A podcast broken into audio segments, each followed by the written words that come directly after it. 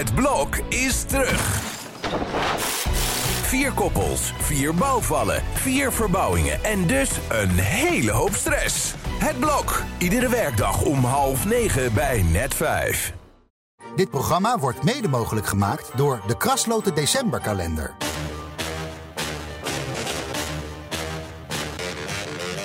Is Strikt Privé, de dagelijkse showbiz-update met Evert Zantegoed en Jordi Versteegden. Het is de dag waarop privé weer van alles onthullen mag, Evert. Zo is dat de woensdag van oudsher uh, gehaktdag hè, voor sommige mensen. Maar ja, nee, het is een eh, mooi blad geworden weer. Ja. Geert Wilders als Man of the Week op de cover. En eh, dat is ook weer eens wat anders dan Ja. anders. Ja, de vier vrouwen van Wilders, eh, eh, dat kwam als een shock bij mij binnen. Heeft hij vier vrouwen of moeten we dat anders zien, Evert? Nou, niet in de vorm van een harem, maar de vier mensen die hij het meest vertrouwt, Ja. dat zijn vrouwen. En wie dat zijn, dat lees je dus in de nieuwe privé. Hij schittert op de cover ook heel, heel mooi. Ja, de vrouw van Peter Gillis, of eigenlijk de vriendin, is Wendy. En ik zat gisteren naar Bas Seijns kassa te kijken. En ik kwam er dus achter dat zij een soort van Lisbeth van Dijk 2.0 is. Ze is hypersensitief, hè? Ja, ze En dan ben je met Peter Gillis. Nou, dan kun je je lol op volgens mij. Nou, het is, eh, ja, eh, ze hebben het wel leuk met z'n tweeën. Houden, houden ze vol. En dat zie je ook wel in de foto's die ze posten. Ook bijna, nou, een paar keer in de week wel. Mhm. En eh, dat meende jij ook te zien in de uitzending van gisteren. Ja, ik heb er even een fragmentje van. Drukte. eh, Ja, roering, roering. Ja? Ja. En ik liep net ergens langsaf en daar voelde ik heel, heel veel kou, eh, iets kouds. Dus daar ga ik ook niet heen. Langs de kelder. Ja, dat denk ik. Is dat de kelder hieronder? Ja. Ja, dit was dus in het nieuwe kasteel van Peter, waar inderdaad, geloof ik, ooit wel eens een keer een, een moord heeft plaatsgevonden. Maar ook in de villa waar hij nu woont, is ooit iemand vermoord. Dus wat dat betreft is dat voor Wendy niet zo lekker als ze van alles voelt. Nou ja, ze kan er hard ophalen aan de, eh, aan de, aan de, aan de kunst, aan de, aan de witte magie.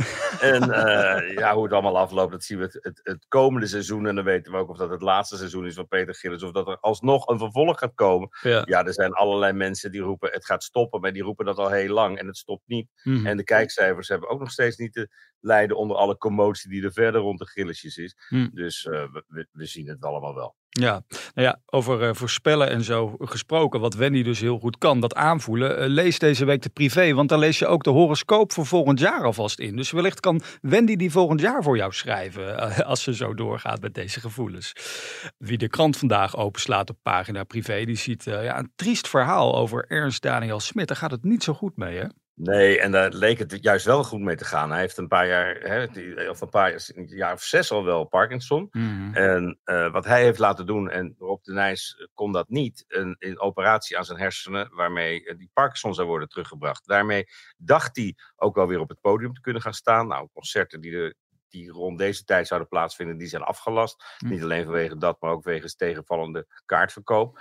Maar de kans dat Ernst Daniel Smit ooit nog op een podium zal staan, wordt er eh, volgens zijn omgeving niet groter op. En Mm. dat is het treurige nieuws van vandaag, want iedereen had hem dat gegund. En ja, die positieve ontwikkelingen die er zijn bij de bestrijding van Parkinson, ja, daar was hij een beetje het, het voorbeeld van dat dat zo vruchten af zou werpen. Ja. Maar dat valt toch een beetje tegen het resultaat van die operatie, lijkt het op dit moment. Ja, super triest voor een man die ook nog zo graag gewoon wil zingen. Want dat is zijn grote passie natuurlijk. Dus eh, wie eh, wel weer zingt is Gladys Grace. Maar dat doet zij een beetje in de luwte, geloof ik. Ja, heel merkwaardig. Zij is eh, teruggekeerd op het podium bij de dinnershows van Frank Wenting. Ja. En zonder enige rugbaarheid eraan te geven. Ze heeft er al een paar op de, achter de rug.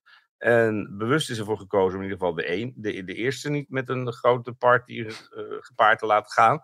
en, eh, maar het is goed, goed verlopen. Eh, er wordt geen boel geroepen, er zijn geen incidenten. Er is eigenlijk niets te merken. En ze zingt de sterren van de hemel, dus daar ligt het ook niet aan.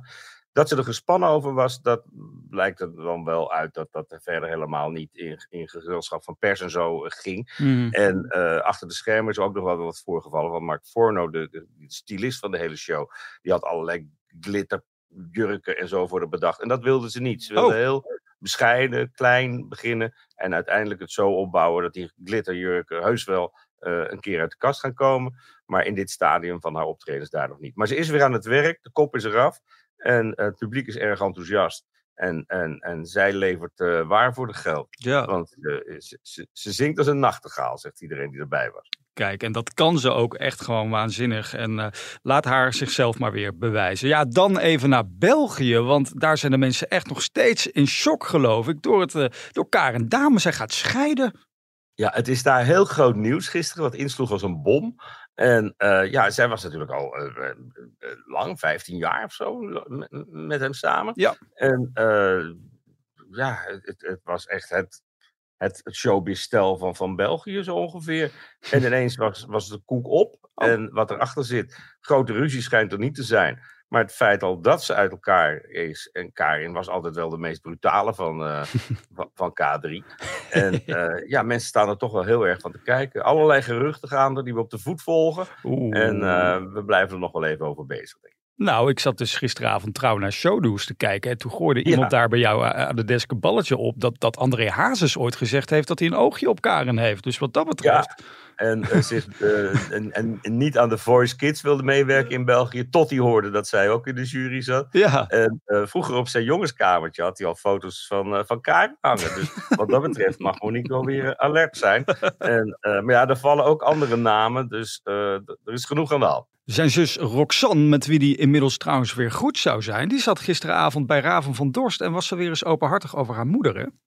Nou, en over de vader. En laten we nou in vredesnaam allemaal eens ophouden met die hysterische hazesverering. Het is toch verschrikkelijk hoe die man geleefd heeft. Hoe die als een tiran dat hele gezin naar de verdommenis geholpen heeft. Hmm. Het is echt eh, André Hazes, geweldige zanger. Maar verder toch een absolute weggooier. Met zijn drankmisbruik, met zijn idiotie, met zijn woedeuitbarstingen midden in de nacht. Met het huis kort en klein slaan, waar kleine kinderen liggen te slapen. En, en iedereen loopt dan maar, Hazes, Hazes is de basis. Hmm. Nou, het is echt... in- hoe die man er altijd mee weggekomen is terwijl hij nog leefde. En van de doden niks dan goeds. Ja. Maar hoe die man echt terreur, waar terreurbewind daar uitgeoefend heeft aan die, aan die Vinkenveense kade. Het is echt toch, als je nu de puinhopen ziet die hij nagelaten heeft.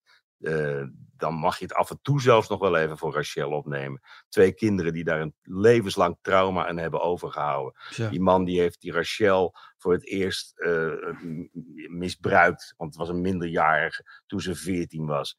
En, en daar staat maar een beeld van in Madame Tussaud. En Madame Tussaud is er hartstikke trots op. Zelfs zijn eigen cafeetje met André en zijn biertje. Er moet Ook dat biertje ook altijd. Het is toch werkelijk verschrikkelijk. Ja. En ik heb dan erger te doen met, met, met zowel eh, met, met Rox, met, met André junior, als ook met Rachel. Die dat allemaal in goede banen heeft proberen te leiden. Maar een leven met André Hazes is toch gewoon een hel geweest. Waarvan akte, Evert? Nou, dat ging nog even los aan het eind van deze aflevering Ja, van maar ik, ik, ik heb daar al jaren eh, mijn buik van vol eigenlijk. Ja, Hazes als zanger is, is fantastisch. Maar als hij zingt, ik vecht me dood. Nou, hij zoop zich dood. Hmm. En eh, de gevolgen van dat drankgebruik, dat hebben we allemaal kunnen zien. En vrij was dat leven allerminst. Meer over de hereniging tussen André junior en zijn zus lees je deze week in Nou, ik Weekblad hoop- Privé. Ik hoop echt dat zij steun aan elkaar gaan vinden. En ze hebben hetzelfde meegemaakt. En dat moeten ze ook maar samen een plekje gaan geven. En er een mooie tijd samen van maken met hun gezinnen. En het wel goed doen. Ik ga hollen naar de winkel, eh, Evert, want daar ligt een eh, vers blad. En wij spreken elkaar morgen weer. Tot morgen!